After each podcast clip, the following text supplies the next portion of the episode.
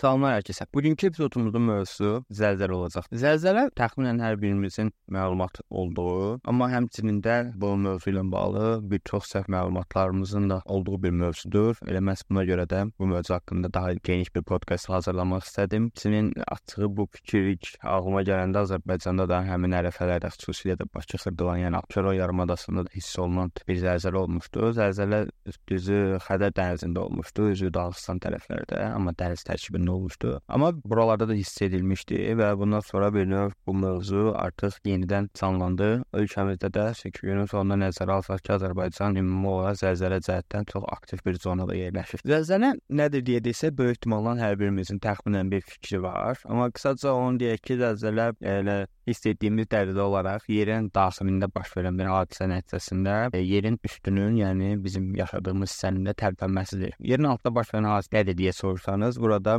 tektonik lövhə dediyimiz e, lövhələr bir-birləri ilə hərəkət edirlər və bunun nəticəsində yerin tərkibində çox yüksək bir enerji ortaya çıxır və bu enerji də yuxarıya təsir edərək günün sonunda bizim zəlzələ adlandırdığımız hadisə baş verir. İndi isə yəni ümumi zəlzələ ilə bağlı bilməli olduğumu düşündüm. Ən əsas üç termini məlumat vermək istəyirəm. Bunlar epicenter, hipocenter və e, magnituddur. Daha belə başa düşə biləcəyimiz sərdə desək, hipocenterdən başlayaq. Hipocenter bir növ zəlzələnin yerin altında baş verdiyi hissədir. Yəni bu hansı ki, həmin yerdə bu zəlzələ baş verir. Çox vaxt bu deyirlər məsələn, zəlzələ baş verdiyi yerin 10 km dərinliyində, 5 km dərinliyində və s. yəni nə qədər dərində olsa, sözsüz ki, təsiri o qədər az olur. Epicenter isə həmin hipocenter nöqtə olaraq desə, məsələn 10 km yerin altında bir nöqtədir bu yer. Epicenter isə həmin o nöqtənin yerin üzərində olan versiyasıdır. Yəni bir növ epicenter zəlzələnin baş verdiyi verdiyi, amma yerin üzərində olan hissələri biz epicentr adlandırırıq. Bundan başqa olaraqsa zəlzələnin sözsüzü müəyyən bir şkala ilə ölçməliyik. Bu şkalanın onsuz bir çoxumuz bilirik, Richter şkalasıdır. Richter şkalası ümumiyyətlə 1 baldan 10 bala qədər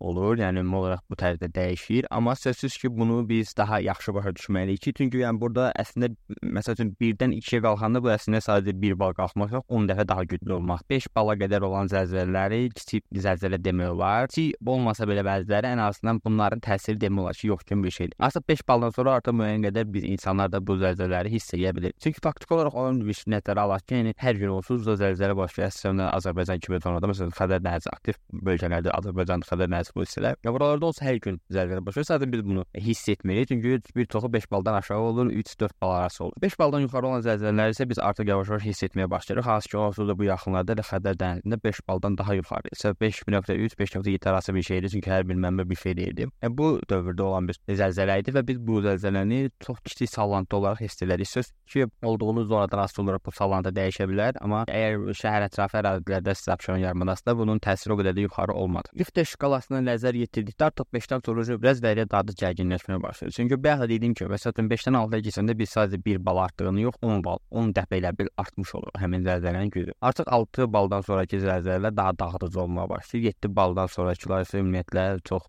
insan həyatına söz nəsbəsə çox zərər yetirə biləcək zəlzələ olur. Hansı ki, onsuz bir çox əsas zəlzələlər də elə 7-8 bal aralığında olur. Çox, yəni 9-dan yuxarı zəlzələ demək olar ki, çox nadirən olur. Yəni skala ona qədər olsa, əslində o qədər də güclü zəlzələ hələ ki olmuyor və ümid eləyək ki, heç zaman olmayacaq. Çünki təbii fəlakətlər elə bir şeydir ki, biz insanlar onlara qarşı hələ də çox aciz vəziyyətdəyik. Çalışırıq müəyyən qədər qarşısını alaq. Qarşısını alaq deyəndə yəni tədbirlər görə qarşı ala bilmirik təbii fəlakətlərini demək olar ki, amma ən azından bunlara qarşı müəyyən qədər tədbirlər görüb can içkisini minimuma endirməyə bacarmalıyıq. Elə Türkiyədə də baş verən zəlzələlər, yəni bir çox güclü zəlzələlər deyək ki, 1999-cu ildən bu ilə baş verən çox 7-8 bal aralığında oldu. Yəni 8-dən yuxarıda olmuşlar, 7-dən aşağıda oldu. Çünki onsuz ən dağıdıcı hissələr elə və ən tez baş verən dağıdıcı zəlzələlərdə də bu aralıqda olur. İndi isə başqa bir vacib iki terminə yönəlmək istəyirəm. Bunlar foreshock və aftershocklardır. Azərbaycan dilində desək bu bir növ zəlzələdən əvvəl baş verən kiçik zəlzələlər və zəlzələdən sonra baş verən kiçik zəlzələlər. Əsasən də afterşoklar Azərbaycanda da bir növ bu müzakirə olundu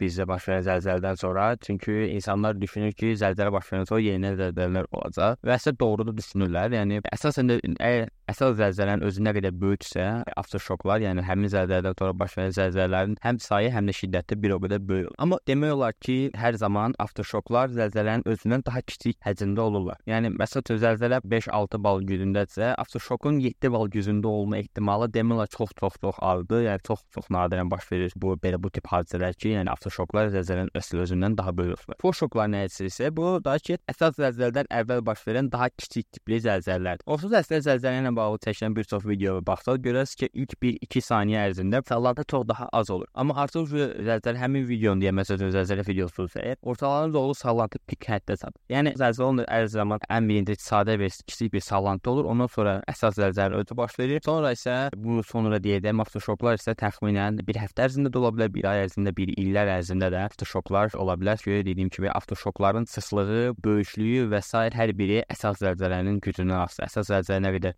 dağıdıcı və böyükdürsə, afterşokların da təsiri bir o qədər daha yuxarı olur. Bu günün sonunda hər zaman əsas zəlzələnin özü hər zaman afterşok və forşoklardan daha böyük olur. Yəni ona görə məsələn Azərbaycanda zəlzələ olandan sonra bir çox insan artıq evini tərk etmişdi. Yəni düşünürəm ki, Azərbaycanda baş verən kiçik zəlzələ, yəni 5 nöqtəli isə bal gücündə olan bir zəlzələ, yəni bu tip zəlzələdən sonra evi tərk etmək və s. yəni o qədər də ehtiyac yoxdur. Onsuz məsələn, yəni, biz tərk etməliyik açıq, yəni. yəni evdə zəlzələ baş verəndə də evdəyik, hündür mərtəbə binada yaşayırıq. Zəlzələ baş verəndə də evdəyik. Zəlzələdən sonra da hər zaman evdə qaldıq. Çünki yəni o tip bir zəlzələdə çox həddindən artıq böyük bir afterşok gözləmək də tam olaraq düzgün deyil. Sözsüz ki, siz özünüzü necə daha rahat hiss bunu etməkdə sərbəstsiniz. İndi isə keçək daha vacib bir məsələ. Zəlzələdən əvvəl nə etmək lazımdır? Zəlzələ vaxtı nə etmək lazımdır və zəlzələdən sonra nə etmək lazımdır? Zəlzələdən əvvəl dediyim bu söz məsələn İstanbul zəlzələsini götürək, hansı ki, baş vermir də hələ ki, amma baş veriləcəyi öngörülür. Çünki elm və texnologiya nə qədər inkişaf etsə də biz zəlzələnin tam olaraq nə vaxt baş verəcəyini bilmirik, amma ümumi olaraq bir ərazidə zəlzələnin olub olmayacağını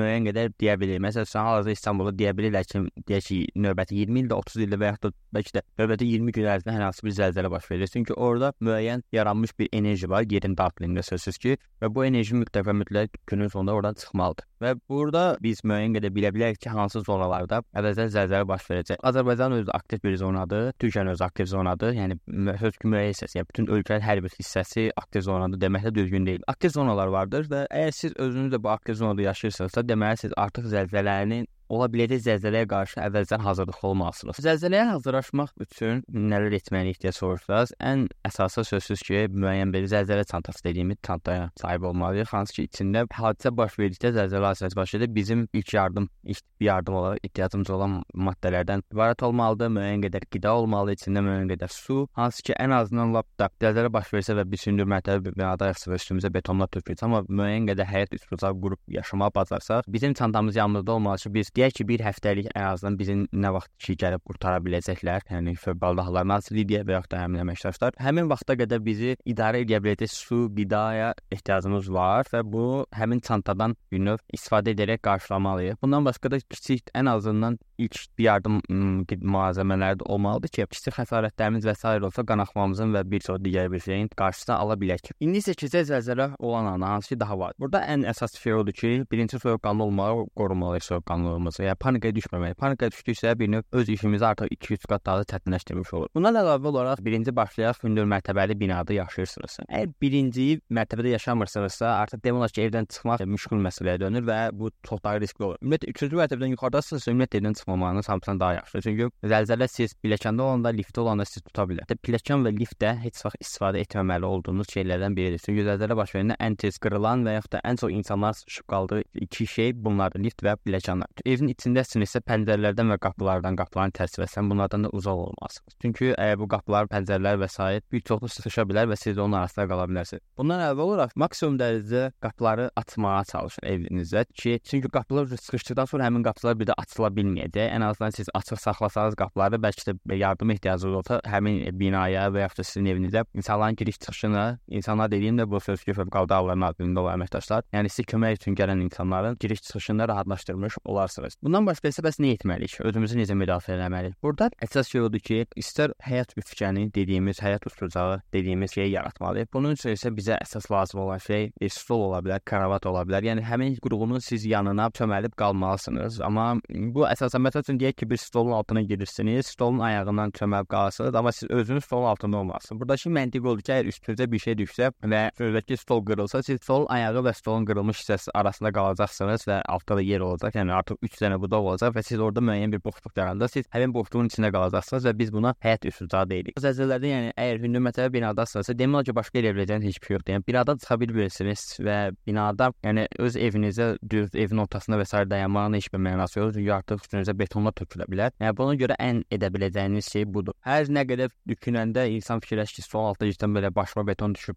ölə bilərəm və s. yəni amma məntiqi olaraq edə biləcəyimiz şeylər arasında ən edilə biləcək şey budur deyə məcbur bunu etməlisiniz ki, bu stol olmaya bilər kravatınızın yanında məsələn yatdığınız bir anda olur zəlzələ. Ümid edirəm ki, heç vaxt zəlzələyə düşməzsiniz, də zəlzələ də olmaz. Sözsüz ki, yəni çox insanı aciz edəcək olan bir hadisədir. Məsəl üçün deyək ki, yatdığınız anda zəlzələ oldu və oyandınız həmin o səs-küyə deyək müəyyən olaraq tərpənişib. Yəni, edə biləcəyiniz ən yaxşı tez bazar yəni, yatağın yanına qıvrılmaqdır. Yəni yataqdan düşürsüz ki, yəni uzanırsınız, qıvrılıb qalırsınız ki, yəni yenə də orada da müəyyən bir bucaq yaranmış olacaq. Heç necə bir şey düşsə.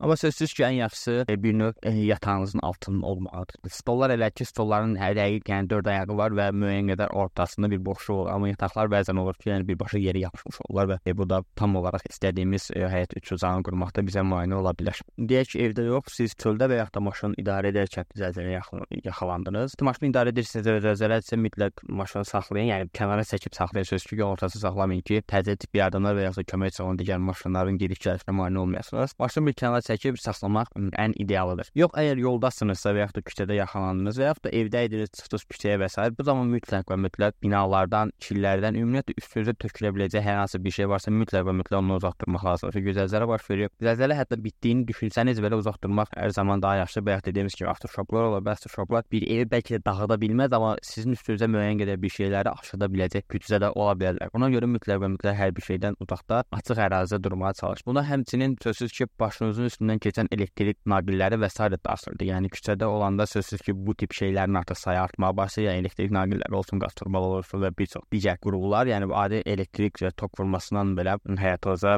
zərər gələ bilər. Yəni sağlamlığınıza. Buna görə bu tip şeylər də ətraflı baxım hər bir şeydən uzaq olmağı mütləq mütləq çalış. Xülasə olaraq qısaca belə demək olar ki, zəlzələyə qarşı edə biləcəyimiz çox bir şey yoxdur, amma müəyyən qədər tədbirlərə və sən alaraq zəlzələdən alacağımız zərəri minimuma endirə bilərik və bunların hamısını mütləq etməliyik. Ən azından zəlzələ zamanı nələr etməli olduğumuzu bilməliyik. Öz soyuqqanlığımızı qorumalıyıq. Zəlzələ baş verdiyini hiss etdikdə ilk öncə qolumuzla başımızı müdafiə etməliyik, çünki təxmin etdiyimiz kimi başımız ən həssas və bizə çox vacib olan hissədir. Ona görə başımızı əlimizlə mütləq örtüb həyat bucağı qura biləcəyimiz bir şeyin yanına gedib orada çöməlib qalmalıyıq ki, nə vaxt ki bizə kömək gələcək və zəlzələ bitəcək. Əgər hündür mərtəbəli bir binadasınızsa və ilk 1, 2, 3-cü mərtəbə, hətta birinci mərtəbədən sonra belə riskli 1, 2, 3-cü mərtəbədə qalmırsınızsa, binanı tərk etməyə ümumiyyətlə heç çalışmayın, ümumiyyətlə heç evdən çıxmayın, hər zaman qapı pəncərələri açıq saxlayın, amma qapı pəncərələrdən uzaq olun. Bunlar ən təhlükəli yerlərdir. Liftlərdən, pilləkənlərdən qətiyyən və qətiyyən istifadə etməyin. Bu zonalar insanların ən çox ilişib qaldığı və həyatlarını itirdiyi yerlərdən biridir. Bu epizodumuzdan bu qədər. Mən sizə Molar zəlzələ ilə bağlı əsas fikirləri, ümumiyyətlə zəlzələ nədir, zəlzələ zamanı nə etmək lazımdır və s. bu haqqda danışdım və bu haqqda sizə məlumatlar çatdırmağa çalışdım ki, zəlzələ baş verən zaman özümüzü itirmədən öz sağlamlığımızı və öz sağ qalma ehtimalımızı maksimumuza çatdıraq. E, məndən bu qədər. Hələlik özünüzə yaxşı baxın və sağlam qalın.